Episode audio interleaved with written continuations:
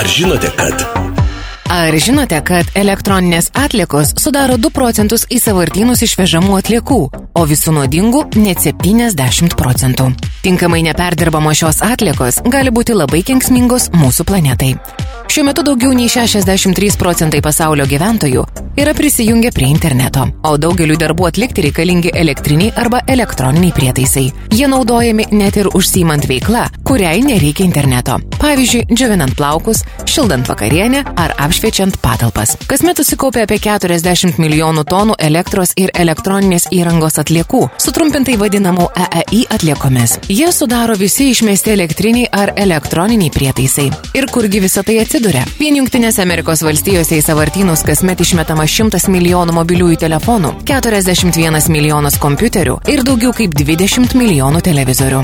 Net ir paprastos atliekos kelia problemų, nes užkastas medžiagas sunku surinkti ir perdirbti. Perdirbant elektrinius ir elektroninius prietaisus galima sutaupyti energijos ir nereikia įkvoti tiek daug naujų gamtinės žemės išteklių. Elektriniuose ir elektroniniuose prietaisuose yra apie 70 dažniausiai pasitaikančių cheminių elementų ir daugelį jų galima išgauti iš senos įrangos. Dėl tam tikrų šiuolaikiniuose prietaisuose naudojamų medžiagų neperdirbtos atliekos daro didelę žalą aplinkai. Sunkiai metalai ir cheminės medžiagos suteikia elektroniniams prietaisams švitėjimą, laidumą ir atsparumą. Nors dėl to jie yra saugesni ir labiau patinka naudotojams, tinkamai netvarkomi šie komponentai tampa nuodingi. Seniai telefonai, žaidimų kompiuteriai, virduliai, mikrobangų krosnelės ir kiti prietaisai gali atsidurti savartinuose, o jų kenksmingas turinys patekti į dirbožėmį, vandenį ir orą. Šie teršalai yra pražutingi ne tik gyvūnyjei ir ekosistemoms. Nuodingų medžiagų sankaupos gali turėti įtakos ir žmonių sveikatai. Sunkiesiems metalams ir cheminėms medžiagoms prasiskverbus į ežerus ir upes, užteršiamas geriamasis vanduo. Nuodingos medžiagos plinta dirbožėmėje, darydamos poveikį pasėlių ir gyvūnų, nuo kurių priklauso žmonės sveikatai.